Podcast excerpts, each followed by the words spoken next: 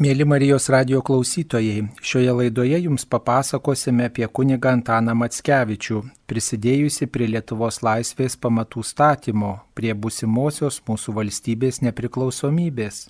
Kunigo laisvės troškimas jo meilė Lietuvai alsavo visą jo gyvenimo laikotarpį ir niekas negalėjo to troškimo ir meilės Lietuvai užgesinti.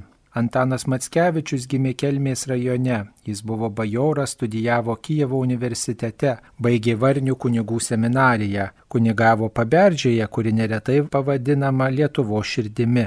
Čia jis atstatė medinę bažnyčią, šiandien sutraukiančią maldininkus ir piligrimus iš visos Lietuvos. Labiausiai paberžės parapijoje dirbęs kunigas išgarsėjo dėl to, kad pirmasis surinko sukilėlių būrį ir kvietė apginti žmonių laisvę nuo priespaudos. Už žmogiškas žmonių teisės, už mūsų ir jūsų laisvę. Toks buvo jo šūkis. Kunigas Antanas Matskevičius 1963 m. sukilimo vado Zigmanto Serakausko buvo paskirtas vadovauti vienai iš sukilėlių kolonų o kai gegužės mėnesį Zigmantas Irakauskas buvo sužeistas ir pateko į nelaisvę, o birželį buvo pakartas, kunigas Antanas Matskevičius perėmė vadovavimą ir jo būriams. Kunigas Antanas buvo sukilėlių kapelionas, drąsino ir guodė juos, kai teko patirti pralaimėjimus ir bendražygių žūtį. Paskutinis kunigo Antano Matskevičiaus vadovaujamų sukilėlių mūšis įvyko 1963 m. lapkritį netoli Vilkijos. Kunigas buvo sužeistas, kurį laiką slapstėsi. Tų pačių 1863 m. gruodžio mėnesį, galbūt per klaidą, o gal dėl išdavystės buvo suimtas, kalinamas ir gruodžio 28 dieną pakartas. 1993 metais Paberžėje buvo įkurtas 1863 m. sukilimo muziejus. Šis muziejus įsikūrė XVIII amžiaus pabaigoje statytame vokiečių kilmės barono Stanislovo Šilingo dvare. Čia dažnai pietaudavo ir tardavosi apie sukilimo organizavimą kunigas Antanas Matskevičius ir baronas Stanislovas Šilingas rėmęs sukilimą. Paberžės bažnyčios sakykloje kunigas Antanas Matskevičius pasakė ne vieną ugningą pamokslą. Galiausiai pakvietė žmonės į sukilimą ir suformavęs 250 sukilėlių būrį vieną iš pirmųjų Kauno gubernijoje 1863 m. kovo mėnesį stojo į atvirą kovą prieš carizmo patvaldystę, prieš baudžiavą ir žiaurę dvarininkų bei valdžios savivalę.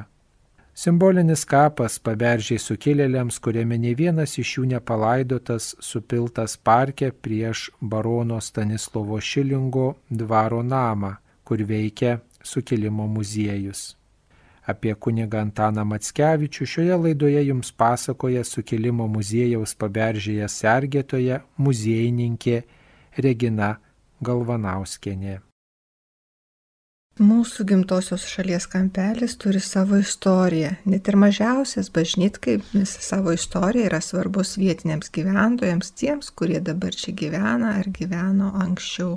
Šiandien pakalbėsime apie Pabežės kaimą, esančią Kedainių rajone ir joje gyvenusią istorinę asmenybę, mūsų parapijos kleboną, kunigą Antaną Matskevičių, kurį jūs tikriausiai žinote kaip vieną iš 1863 metų sukilimo vadų. Jei pažiūrėtumėme į žemėlapį, tai galėtumėm pamatyti, kad paberžė įsikūrusi yra beveik Lietuvos viduryje. Ir šiame krašte labai daug yra vietovių pavadinimus susijęjimus su beržu. Į pietus nuo paberžės yra šlapaberžė, toliau naujaberžė, arčiau nevėžio kalnaberžė, o netoliui jų ir beržų kaimas. Paberžės kaimas turi ne tik vietos gyventojams svarbę istorinę vertę, bet ir svarbus ir kiekvienam iš mūsų. Istorinių įvykių verpetai traukė ir šį mažą bažnytkaimį į savo sukūrį. Paberzė išgarsino čia dirbusios ir gyvenusios asmenybės. Vienas iš jų, kaip ir minėjau, yra kunigas Antanas Matskevičius, bajoras, sukilimo remėjas Stanislavas Šilingas bei dievdirbys Vinsas Virskis. Čia kunigas Antanas Matskevičius 1863 metais pirmasis Kauno gubernijoje iškėlė sukilimo vėliavą. Asmenybių charizma iki šiol veikia šios vietos atmosferą. Istoriniuose šaltiniuose anksčiau nei 18 amžius paberžės vardo negalima rasti, tačiau šių apylinkių istorija liūdė, kad žmonės čia gyveno jau seniai. Kaimai dažniausiai kuriami šalia vandens telkinių, o pro paberžę prateka liaudė. Parapijos įsteigimas šioje vietovėje rodo, kad žmonių čia pakako parapijos steigimui. Jų gausa patvirtina, kad žmonės šias vietas apgyvendino daug anksčiau nei istoriniuose šaltiniuose buvo paminėtas vietovardis. 1787 metais buvo pastatyta pirmoji paberžės bažnyčia, kuri dėja neišliko sudegė. Vėliau jos vietoje pastatoma nedidelė koplytėlė ir 1855 metais, kada atvyksta jau jaunas kuningas Antanas Matskevičius, jam tenka atstatyti paberžės bažnyčią. Taigi dabartinė bažnyčia, kurią galima pamatyti pabežė, yra ta, kurią atstatė būtent mūsų pabežės klebonas, kunigas Antanas Matskevičius. Išlikusi tokia pat labai graži po restauracijos Paberžės bažnyčia turi švenčiausios mergelės Marijos apsilankimo titulą. Bažnyčia buvo atstatyta, kaip minėjau, 1858 metais dvarininko Stanislovo Šilningo ir Paberžės klebono Antano Matskevičiaus rūpešiu. Centrinis bažnyčiaus altorius yra medinis, droštas vietinio dievdirbio Vinso Svirskio. Bažnyčios centrinio altoriaus viduryje yra meniškai komponuotas paveikslas, vanduojantis biblijinę švenčiausios mergelės Marijos apsilankimo sceną. Virš jo stovi mergelės Marijos su kodikėlio ant rankų skulptūra. Medinio altoriaus šonuose abipus paveikslo stovi išskaptuotos Švento Petro ir Švento Povilo skulptūros. Paveikslas vaizduoja Naujojo testamento epizodą, kada švenčiausia mergelė Marija apsilanko pas Šventąją Elžbietą. Šiam įvykiu atminti mūsų bažnyčiai yra skyrusi atlaidus. Apie vietinių žmonių pamaldumą švenčiausiai mergeliai Marijai ir tikėjimo nuširdumą liūdė išklupėtos senos bažnyčios grindų lentos, kurias išsaugojo tėvas Stanislovas, keisdamas senasias grindis, restauruodamas ir būtent šios dvi lentos kabo bažnyčioje ant sienos. Dabartinė kukli šventovė suresta pabežės kunigo Matskevičiaus iniciatyva finansiškai buvo remiama dvarininko Stanislovo Šilingo. Pirmąją medinį bažnyčią sudegus, dvarininkai Šilingai kitur nupirko medinę aštuonikampę koplyčią, kurią išardytą atvežė į paberžę ir pastatė sudegusios vietoje. Dalis šios koplytėlės yra išlikusi ir užima dabartinę presbiterijos ploto dalį. Parapijos kronikoje rašoma, kad plotas, ant kurio pastatyta bažnyčia kartu su šventoriumi ir su visais trobesiais iš nebetmenamų laikų priklauso tai bažnyčiai kaip po jos savastis. Tikriausiai statant pirmą paberžės bažnyčią, parapija gavo fundacijai ir žemės valdą, ant kurios pastatė bažnyčią. O 1855 metais atvykęs į paberžę iš Krekenavos, kur vikaravo, Matskevičius rado ant liaudės kranto stovinčią nedidelę, bet gražią koplytėlę. Pirmasis darbas, kurio ėmėsi naujasis parapijos klebonas, tai bažnyčios atstatymas.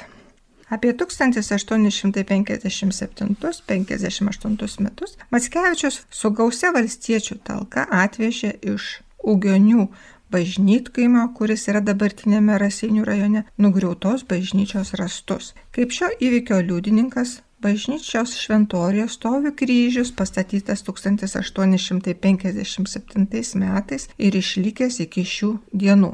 Prie senosios koplytėlės dalies iš atvežtinių rastų buvo pridurtas naujas korpusas - nava. Fasado viršūnę vainikuoja dviejų tarpsnių aštuoniakampis bokštelis su barokiniu šalmu ir kryžiumi. Šiame bokštelėje Matskevičiui klebonaujant kabėjo varpelis vadinamas signaturka. Jis buvo mažiausias iš bažnyčiai priklausančių varpų, kuriuos skambindavo kviesdami parapiečius į pamaldas. Nutapytame dailininko Zigmanto Petravičiaus paveiksle kunigas Matskevičius laimina ir šventina sukilėlių vėliavas. 1863 m. sukilimo muziejuje saugomas paberžės bažnyčiai priklausęs mišiolas, kuriame titulinėme puslapyje Antanas Matskevičius paliko savo ranką darytą įrašą. Čia jis rašo, kad 1858 metais laiko pirmasias mišes atstatytoje bažnyčioje ir prideda maldą skirtą šventai mergeliai Marijai. Štai tokia paberžės bažnyčia išliko ir iki šių dienų. Bažnyčio šventorijoje stovi nedidelė medinė varpinė. Netoliese priešais bažnyčią ant upės šlaito stovi gana erdvus klebonijos pastatas. Pastatas medinis anksčiau dengtas šiaudais, Netoliese klebonijos stovėjo medinė špitolė.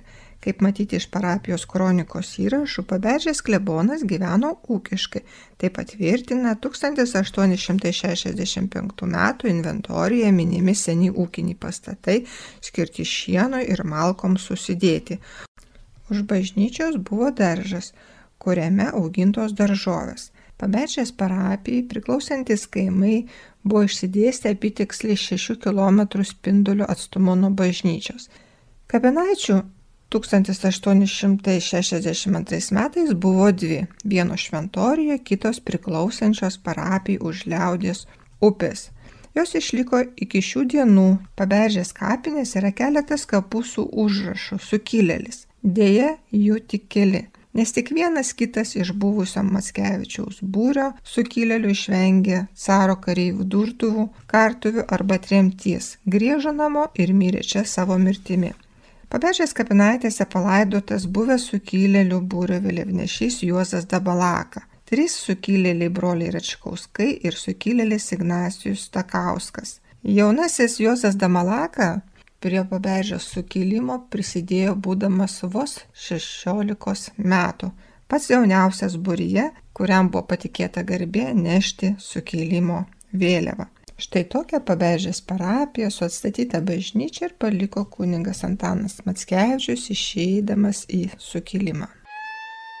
Memolės tikras tėvas jo, sesuo dangaus žydrynė,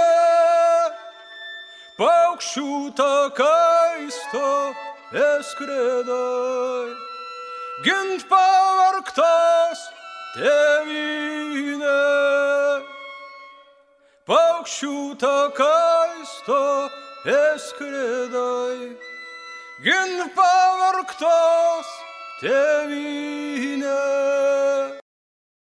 Kalbant apie Daną Matskevičių kaip asmenybę, įdomu pažvelgti į jo praeitį, kas suformuoja tokią asmenybę, kuri pasiryžusi kovoti už savo ir kitų laisvę. Na, tikriausiai reikėtų apžvelgti jo vaikystę ir jaunystę, kas privertė tokį žmogų atsisukti ir pasukti ne savo naudiškumo keliu, o kitų žmonių labui. Antanas Matskevičius gimė 1828 m. birželio 26 d.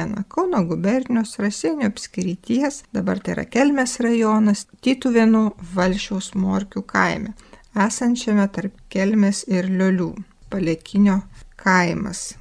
Matskevičiaus tėvai buvo nusigyvenę bajorai Tadas ir Marijona Matskevičiai. 1811 metais jie gyveno Tado brolio Antano Matskevičiaus kanašių dvare, o po metų persikėlė jau į Murkių kaimę, kuriame už pasiskolintus pinigus gavo iš dvarininko remos žemės trims pūrams pasėti ir gretimąją pievą. Tadas Matskevičius kaip teigiama rašosi apie jį, savo ūkio žemę įdirbdavęs savo ir šeimos narių jėgomis. Aišku, prie ūkio darbų prisidėdavo ir mažasis Antanukas. Iš negausių užuomenų literatūroje apie Matskevičių matyti, kad vaikystėje jis augo kartu su baudžiauninkų vaikais, kalbėjosi su jais lietuviškai, tiksliau žemaitiškai. Lankydamasis dūminėse jų pirkiuose Antanukas gerai pažino jų ir jų tėvų gyvenimus su kaimynų vaikais drauge ganė gyvulius. Žmogaus formavimuisi didžiausia įtaką daro artimoji aplinka, žmonės, kurie supa jį vaikystėje. Kai Antanukui suėjo treji, Lietuvą apėmė 1831 m. sukilimas. Jis tuo metu neką tą suprato. Tačiau paaugęs atidžiai klausydavosi giminaičio dėdės Rapolo iš Tytuvėnų, kartais ateinančio aplankyti jo tėvų. Senukas labai gerai atsiminė ne tik 1831 sukilimą, bet ir net Tado Kosciuškos vadovaujamą 1794 m. sukilimą. Kalbėdavo ir apie prancūzmetį 1812 m. Napoleono armijos žygį į Rusiją ir jos bėgimą atgal. Svečio pasakojimai buvo įdomus, uždegantis, didvyriški sukilėlio žygiai, audrino Antonuko vaizduotę, skatino norą užaugus kovoti su krašto pavergėjais. Iš tėvo anksti išmokęs skaityti, Antonukas nuo vaikystės pamėgo knygas, perskaitė visas tuomet tėvo turėtas, skaitydavo ir ganydamas galvijus, dėl ko kildavo konfliktų su tėvu.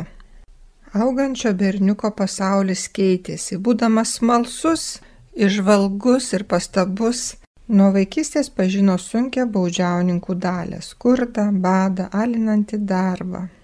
Kartą eidamas pro dvarą Antanukas pamatė išrenktą ir pririštą prie medžio dvaro prievaizdo plakamą baudžiauninką. Ponas, sėdėdamas netoliese, juokėsi iš jo kančios. Vargšą plakė už tai, kad jis pavėlavo į darbą. Toks nežmoniškas pono elgesys mažo berniuko širdyje sukėlė pasipiktinimą skriaudikais, norą ieškoti teisybės. Apie pradinį Antano mokymąsi tikslesnių žinių nėra. Jau suimtas per tardymą jis nurodė, kad pradinį mokslą įgyjo tėvų namuose. Apie 1840-uosius Matskevičius motinos pritariamas kai kurių šaltinių duomenimis spėšę su trupučiu pinigų iškeliavo mokytis į Vilnių. Aišku, sunku patikėti, kad 12 metų berniukas vienas būtų pasiekęs Vilnių. Greičiausia pašto arklys jis nuvyko su raseinių vienuolių karmelitų į Vilnių ir iš pradžių apsigyveno karmelitų vienuolynė prie visų šventųjų bažnyčios, o vėliau įstojo į Vilniaus gimnaziją. Čia caro valdžios 1832 metais uždaryto Vilniaus universiteto pastatuose veikė Vilniaus medicinos ir chirurgijos akademija ir gimnazija. Nors svarbiausios gimnazijos tikslas tuo metu buvo išauklėti carui lojalius jaunuolius, bet pati gimnazija dar tęsė švietėjiškas Vilniaus universiteto tradicijas. Maskevičiui dar tebesimokant gimnazijoje 1842 metais uždaroma Vilniaus medicinos ir chirurgijos akademija. Jo studentai buvo priversti mokytis kituose miestuose, Daugelis jų savo mokslus tęsti nusprendė Kijeve.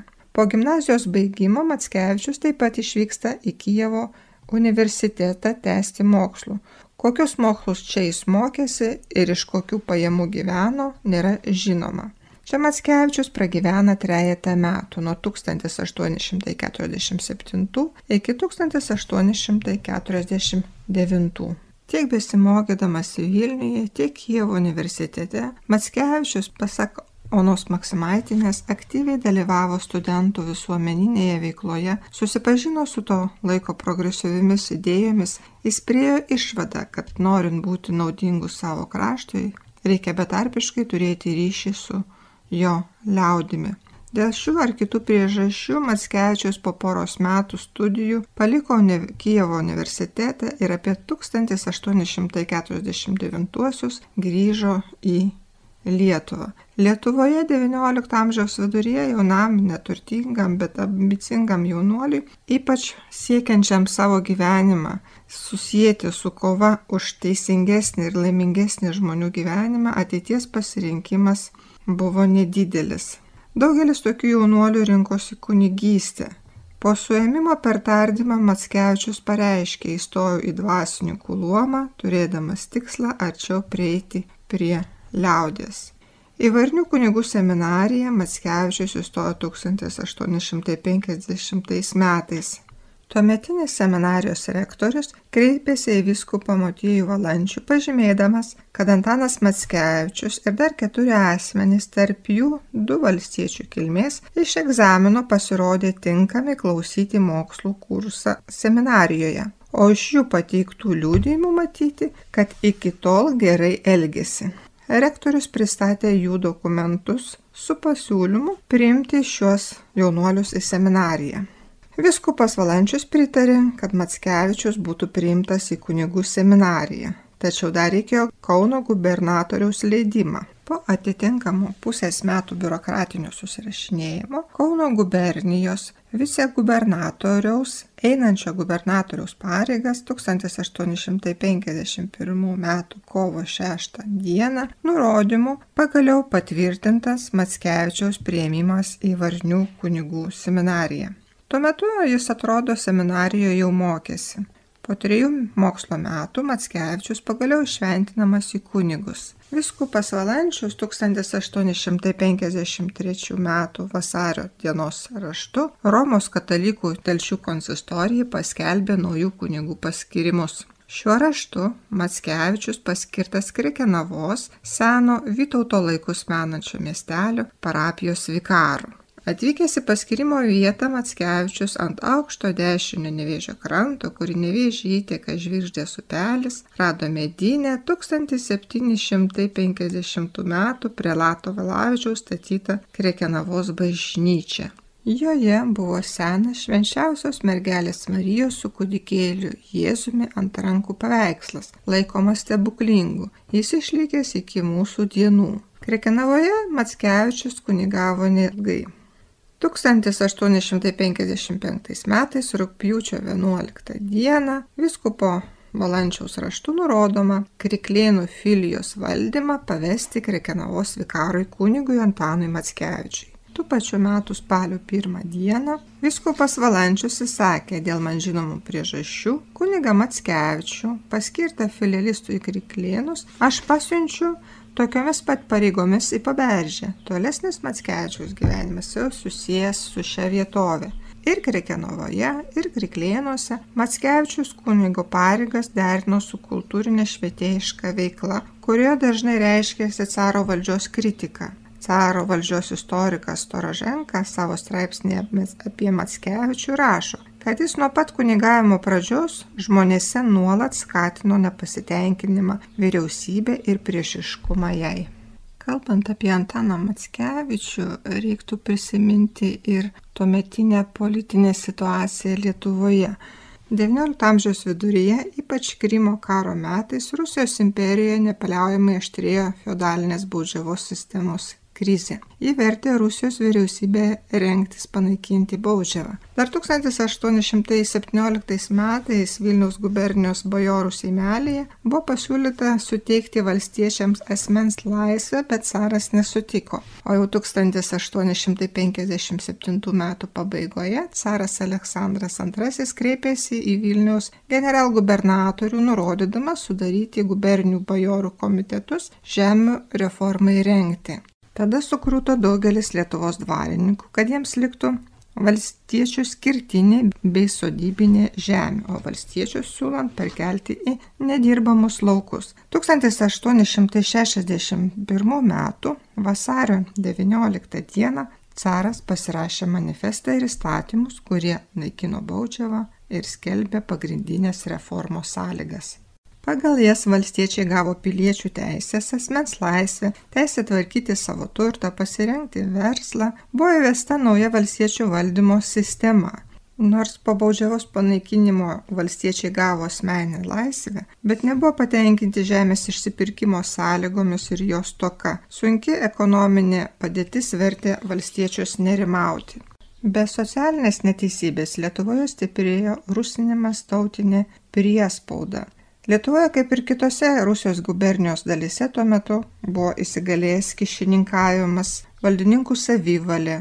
Po suėmimo Matskevičius apie tai pasakojo.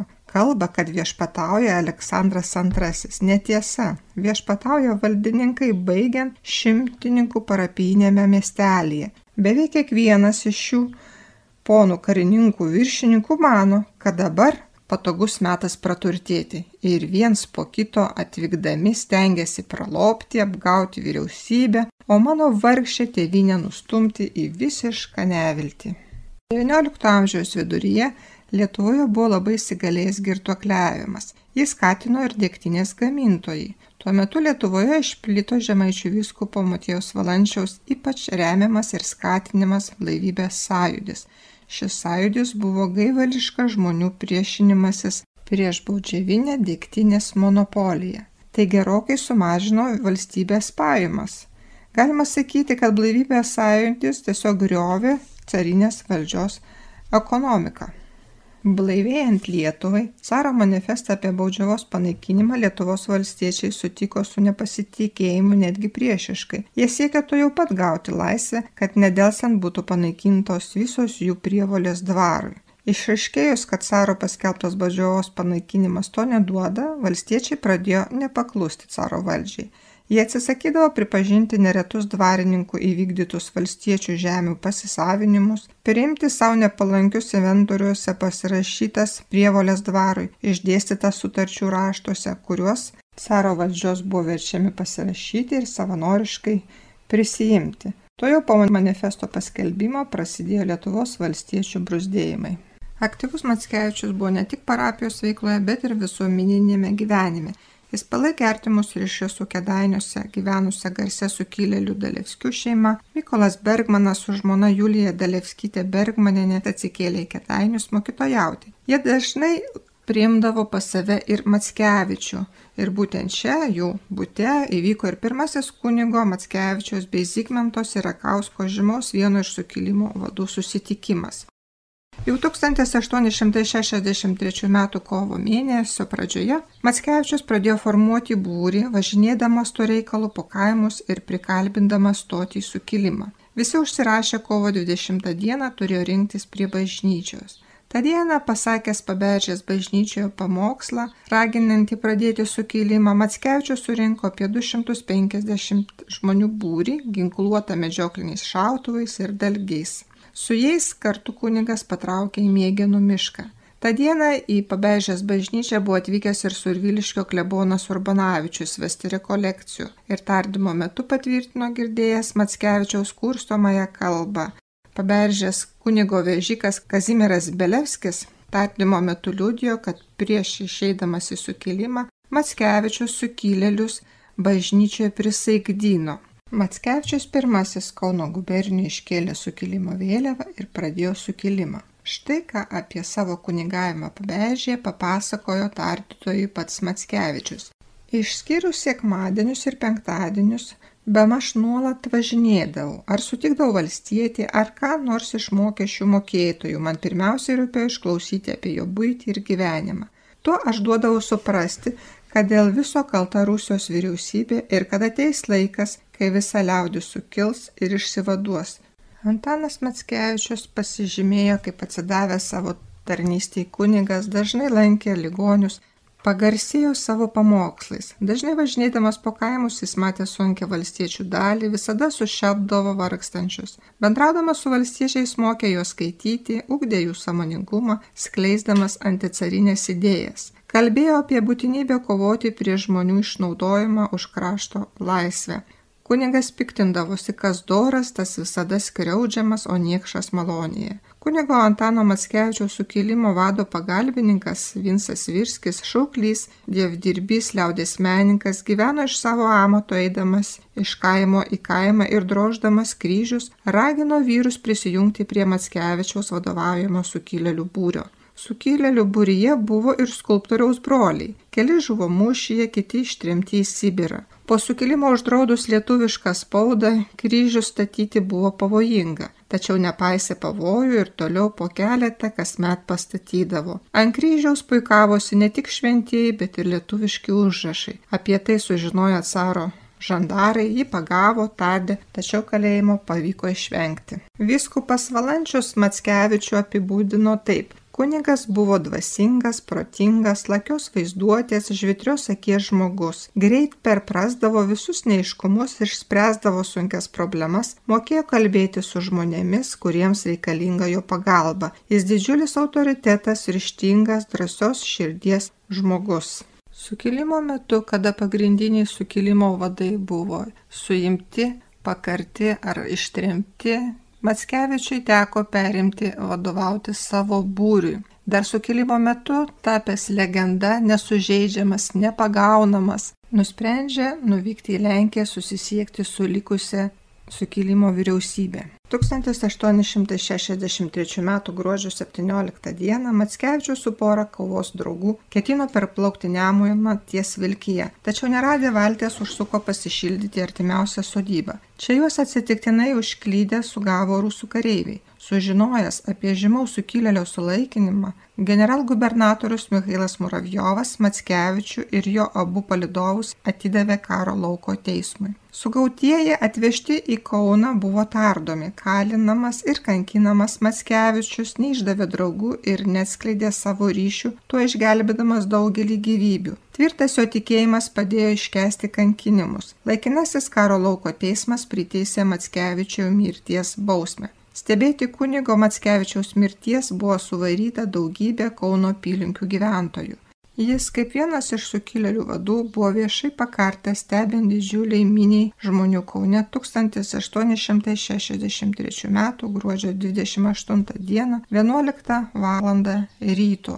Kunigas mirė tyliai ir garbingai. Po egzekucijos nužudytojo kūną įmetė iš iš anksto iškastą duobę ir užkasi, kad žmonės neteitų ir netiduotų pakarbos, nežinotų, kur yra palaidotas, Per kapą sulyginta su žeme prajojo kavalerijos ekskadronas, o žmonių minėje girdėjusi šnapždėsiai. Čia ne tas Matskevičius, jis gyvas, jis toliau kovoja, čia ne tas kunigas.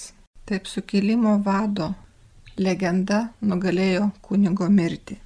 Kunigas Matskevičius savo veikla ir užsibrieštais tikslais išjudino ne tik parapijos pamatus, bet pasuko visos Lietuvos istoriją nauja vaga. Betarpiškai bendraudamas su savo parapiečiais jis užmesgė su jais glaudžius ryšius, įgavo jų pasitikėjimą ir palaikymą. Iki paskutinio atodusio Matskevičius kovojo už paprasto kaimo žmogaus gerovę. Jis tai įsivaizdavo kaip aktyvę koją, nes tik su ginklu rankoje galima pasiekti permainų. Dėl tokios asmenybės net laikas iš žmonių atminties negali ištrinti praeities įvykių. Antanas Matskevičius atidavė visas savo jėgas ir gyvybę už tai, kad mūsų gyvenimas būtų laisvesnis, teisingesnis ir geresnis. Kunigas Antanas Matskevičius buvo įsilavinęs žmogus, gerai valdė žodį. Mūsų dienas pasiekė ir kelios kunigo Antano Matskevičiaus mintys iš jo paties laiškų. Kunigo mintis perteikė Marijos radijos savanoris Martinas Mulleronka. Kunigas Antanas Matskevičius savo laiške iš kalėjimo 1863 m. gruodį rašė Myliu savo Lietuvą jai aš atidaviau savo silpnas jėgas neturėjau aš nieko prieš carą aleksandrą antrąjį nei prieš rusų liaudį ir tik administracijos priespauda ir neteisybė įdavė man į rankas ginklą ir aš kovojau kaip kareivis ir vadas tai čia aiškinu ne todėl kad bijočiau būti nuteistas nes mano sąžinė grina o atskleisdamas tikruosius savo įsitikinimus kaip žmogus suvokiantis ko siekia išskyrus sekmadienius ir penktadienius bemaž nuolat važinėdavau. Ar sutikdavau valstietį ar ką nors iš mokesčių mokėtojų man pirmiausia rūpėjo išklausinėti apie jo buitį ir gyvenimą. Tuo aš duodavau suprasti kad dėl viso to kalta rusijos vyriausybė ir kad ateis laikas kai visa liaudis sukils ir išsivaduos. Šių mano žodžių nereikėjo kartoti. Kas pažįsta liaudį sutiks kad ji šneki o jeigu tai kalbėjo kunigas turintis joje autoritetą labai paprasta kad žmonės skirstydavosi kaip įelektrinti nes aš stengiausi būti tuo kuo turi būti kunigas. Man nesunku buvo perteikti jiems savo įsitikinimus. Stengiausi aplankyti kiekvieną liaudies susirinkimą krikštynas vestuves laidotuves. Tai buvo mano skelbimo vietos. O kadangi tai buvo daroma laikantis tiesos ir buvo tiesa žmonės manimi tikėjo Nes argi policija ir apskritai Rusijos vyriausybės administracija nespaudė vargšų. Kas doras, tas visada skriaudžiamas, o niekšas malonėje. Nori beturtis laimėti bylą, o pinigų neturi. Tai už tai esti išplakamas ir dargi taip, kad tik tai barbarų laikais galima buvo tai matyti. O šiaip, jeigu kas ir pasitarnavo mano propagandai, tai policija ir valdžios administracija. Beje, dvarininkai daug man padėjo nežmoniškų elgesių su valstiečiais. Kai aš kalbėjau valstiečiams, jog ponai ir apskritai bajorai yra caro administracijos rykštė ir kad duos Dievas, ateis laikas, kada sulaužysime tą rykštę. Žmonės kėlė rankas aukštyn ir žadėjo man visuotinę pagalbą. Gerai galiu susikalbėti keletą tarmių, todėl niekada nepraleisdavau progos pasakyti pamokslą. Čia nebuvo nekam pasigailėjimo. Ar jis buvo dvasininkas, ponas, bajoras valdininkas ar valstietis, kiekvienam klojau gryną teisybę ragindavau pasitaisyti kaip atpildą pranašaudamas mano tėvynės laisvę atimtos bažnyčios iš vienuolynų išvaryti vienuoliai ar tai maža pavyzdžių blogai vyriausybės valiai parodyti argi draudimas mokyti vaikus katekizmo priešinimasis blaivybės skleidimui ir dėl to kilusios įvairios represijos nebuvo aiškus įrodymas jog rusijos vyriausybė nesirūpina mano liaudimi siekia jos amoralumo taigi pražūties. Kiekvienas žino jog mūsų liaudis kad ir kokia tamsi yra labai religinga. Tuo tarpu vyriausybė tuo tarpu vyriausybė šį jos religingumą ėmė griauti todėl užteko tik tai nurodyti vyriausybės tikslą ir dėl pasekmių nereikėjo abejoti. Štai mano propagandos draugai. Administracinio valdymo policijos ponų vykdoma liaudies priespauda ir nepakantumas. Kai prasidėjo demonstracijos aš dar labiau suskatau veikti nurodydamas žmonėms kad atėjo metas. O vos tik tai lenkijos karalystėje prasidėjo sukilimas aš pats pasakąs keliose bažnyčiose pamokslus atlaikau pamaldas pas save ir čia paskyriau dieną kai susirinko jaunimas palikęs tėvų namus ir pasiėmęs kokius turėjo ginklus. Liaudis. Religijos jausmo skatinama o bajorai kad nusipelnytų šlovę nuėjo su manimi. Turiu pridurti kad tai buvo ne vienos dienos o dvylikos metų triūsas. O jeigu manimi patikės tai pasakysiu kad įstojau į dvasininkų luomą turėdamas tikslą arčiau prieiti prie liaudies. Ponų draugijoje buvau nekenčiamas už griežtą teisybę apie juos. Aš kalbėdavau garsiai kad ir tarnai girdėtų jog negailiu ponų ir kad apie tai perduotų einantiems lažą valstiečiams. Ir aš mačiau kad toks mano elgesys pasiekė tikslą. Todėl didėjo mano populiarumas o kartu ėmė rinktis vadinamieji patriotai. Dėl to gydytojas aleksandras šilingas pakvietė mane prisidėti prie judėjimo partijos bet tai tetruko vos keletą dienų. Kadangi su ponais buvau griežtas manimi nepasitikėjo. Aš dar labiau praradau bajorų akyse pasitikėjimą po to kai pasakiau improvizuotą kalbą šviesaus atminimo kunigo putramento laidotuvėse kėdainiuose kai atėjo laikas pradėti sukilimą pasikviečiau iš kėdainių kaip instruktorių kolišką kuris rutkovskio pavarde per keletą dienų apmokė keturiasdešimt kaimo vaikinų ir mane patį svarbiausių kareiviškų dalykų. Aš nepasitikėdamas savo sugebėjimais norėjau likti tik kunigu. Pasikviečiau dluskį kad jis perimtų vadovavimą susirinkusiems žmonėms bet jis pirmenybę atidavė bajorams ir nepatikliai žiūrėdamas į valstiečius paliko juos man taigi aš atsistojau liaudies priešakyje ne tiktai kaip propagandistas bet ir kaip karo vadas. Ar aš pateisinau pasitikėjimą nuspręs bešališkas teismas. Mano veiksmams vadovavo teisybės ir tautos meilė. Dėl to ne neapykanta carui rusų tautai nes ji rusų tauta yra slavų tauta bet tautos meilė ir jos laimė buvo mano daugiau kaip dešimties metų revoliucinio darbo akstinas ir priežastis lietuvių tauta darbšti teisinga ir religinga todėl užsitarnavo mano didžiosios meilės aš laukiau tartum atpildo jau nesakau revoliucinio išstojimo bet savo tautos laisvės vargšė liaudis tik pakeitė poną netgi blogiau. Nes ponas, kad ir koks būtų blogas, prireikus duodavo duonos, o dabar, nors mirk, negausi.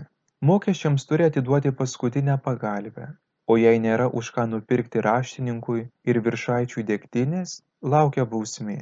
O ką administracija? Ar jį rūpinasi? Tik tiek, kad galėtų lupti. Valdininkai tik žiūri, kad būtų galima prikibti prie gyventojų, ypač prie paprastos liaudies. Neklausia, turi ar ne, privalai sumokėti tiek, kiek paskirs.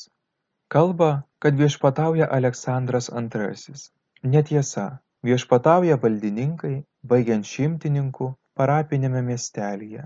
Šimtininkas ir penkiašimtininkas duoda ponui pristavui ne tik tai piniginės dovanas, jam dargi lieka ir vaikų išmokslinimui ir gyvena jis geriau už vidutinį lietuvos dvarininką jeigu ponas pristavas ar penkiašimtininkas nekalbant jau apie įspravniką nori ką išplėšti tai pradeda nuo to kad ima rodyti savo valdžią mušimu rodo o jeigu tai bajoras ar ponas garbės plėšimu.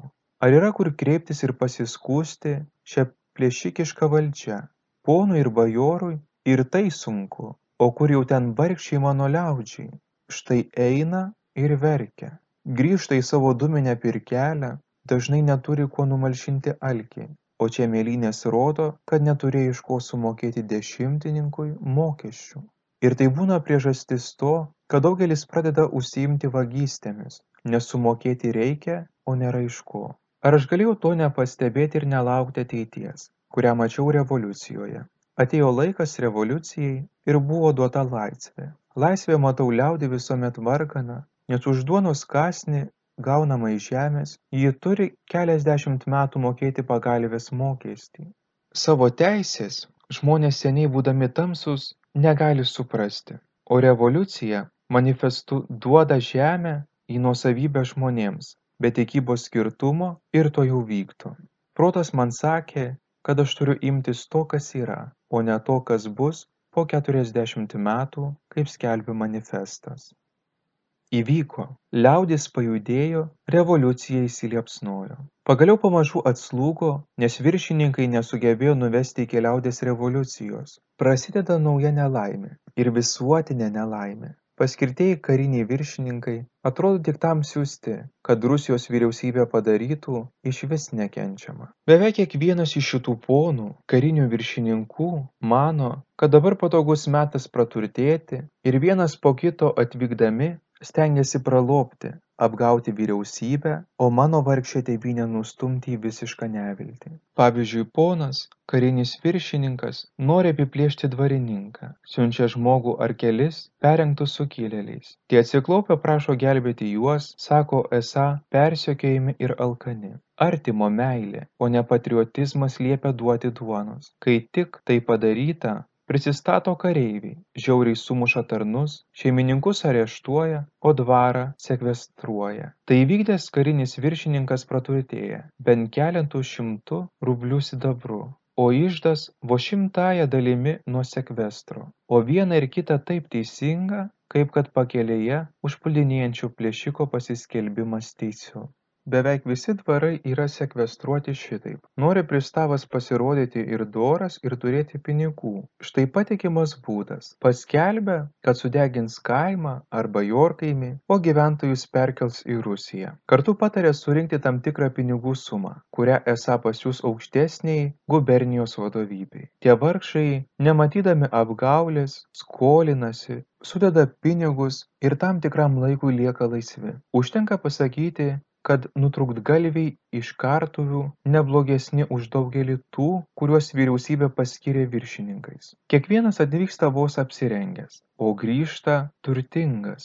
Verslas šis taip apsukriai vykdomas kad ten kur gana sunku ir tai surandamas pajamų šaltinis. Antai ponas viršininkas kaveras paprastą kryželį nuo rožančiaus pas šilingo žmoną pripažino revoliuciniu ir įsakė sumokėti dvidešimt penkis rublius sidabru. O kadangi ji neturėjo su savimi teikėsi išplūsti ją kaip paskutinę ir liepė vesti į kalėjimą. Bet žydas išgelbėjo paskolindamas reikalaujamą sumą. Tauginį už tai, kad jis nevadavęs rinkliavai, suėmė, o kai tik sumokėjo 500 rublių sidabru, paleido. Klovanskis, kai nori išplėšti pinigų, tai įsako gyventojui apžiūrėti, kiek galėtų kainuoti jo trobesiai, nes įsakys juos sudeginti. Tas iš nevilties atiduoda daugelio savo darbo metų santaupas, kad tik išsaugotų pastatus. Štai mano tėvynės padėtis. Sukilimas nutrūko su manimi. Ne dėl to, kad aš būčiau didis karys, bet kad liaudis tik ir pažįsta mane. Todėl aš ją galėjau sukelti. Nors aš ir suimtas, ir sukilimas sustabdytas. O jeigu vyriausybė nepakeis valdymo būdo, jei nesiliaus plėšusi gyventojų ir lėjusi kerštą, atsiras kitas mackevičius. Atsiras kitas mackevičius. Ir ko aš nepadariau sugebės užbaigti arba ilgam pratęsti visuotinę nelaimę. Mums nesuprantama nejaugi rusija neturi kitų valdininkų. Mano kraštui išskyrus pačius nesąžiningiausius nejaugi toji mano tauta tokia nelaiminga jog jai be nevilties nieko nebelieka iš tautų likimo betgi tai keliamilijoninė tauta ir tauta verta jau ne dievo bet vyriausybės kad ir rusijos globos nes iki pamatų nesugadinta nors administracinė valdžia ir stengėsi ją sugadinti. Tokios buvo mano sukilimo priežastys ir pagalbinės priemonės kuriomis dešimt mėnesių buvo palaikomas Lietuvos sukilimas, o kad mano pažiūros teisingos, tvirtinu dabar, kaip žmogus, kuris žinojo, ką daro, kada darė ir kas jo laukia, jeigu nepavyks. Kunigas Antanas Matskevičius. Paukščių takaisto eskredai, gint pavarktas tėvynė paukščių takais to eskridai, gin pavarktos tėvynė. Kunigas Antanas Matskevičius dalyvavo 22 kautynėse su rusų kariuomenė, niekarto nebuvo net sužeistas, tačiau 1863 m. gruodžio mėnesį jis buvo suimtas pakeliui į Lenkiją, kur turėjo susitikti su sukėlimo vadovybė kunigui atsisakius išduoti sukilėlių vadus jam paskirta mirties bausmė - pakarti. Už paromą ir vadovavimą sukilėliams mirties bausmė kunigui Antanui Matskevičiui buvo paskelbta kūčių dieną, gruodžio 24-ąją. Sužinojęs apie nuosprendį, kunigas prisiminė paskutinę savo laimingas kučias ir kalėdas paberžėje. Egzekucija įvyko Kaune gruodžio 28 dieną. Istorikų teigimu, kunigas Antanas Matskevičius į kartuvę sėjo orus aukštai iškeltą galvą, o kai jo dar kartą paklausė, ar pagaliau išduos sukilimo vadus, kad gautų malonę, atsakė, aš atlikau savo, dabar jūs darykite, kas jums priklauso. Kunigo palaidojimo vieta Kaune dėja nežinoma. Tai kunigas iš tiesų rūpinėsis vargšais, silpnaisiais, ne tik pamaldžiais žodžiais, bet ir atsidavęs visų savo dėmesio jėgomis. Jis visą savo sveikatą, laisvę ir net gyvybę padovanojo, kad mūsų protėviai būtų laisvesni ir broliškiau sutartų. Jo gerai suprastos evangelinės nuostatos ir šiais laikais savitų būdų gali surasti gerą dirbą mūsų širdyse. Mėly Marijos radio klausytojai, šioje laidoje apie kunigą Antaną Matskevičių pasakojo 1863 m. sukilimo muziejaus paberžėje sergėtoje muziejininkė Regina Galvanauskienė, o kunigo Antano Matskevičiaus tekstą perskaitė Martinas Muleronka. Tegul kiekvienas iš mūsų brangina laisvę, kaip didžią Dievo dovaną kviečiančią atsakingai įsipareigoti, ginti ir mylėti tai, ką viešpats mums davė. Ačiū sudie.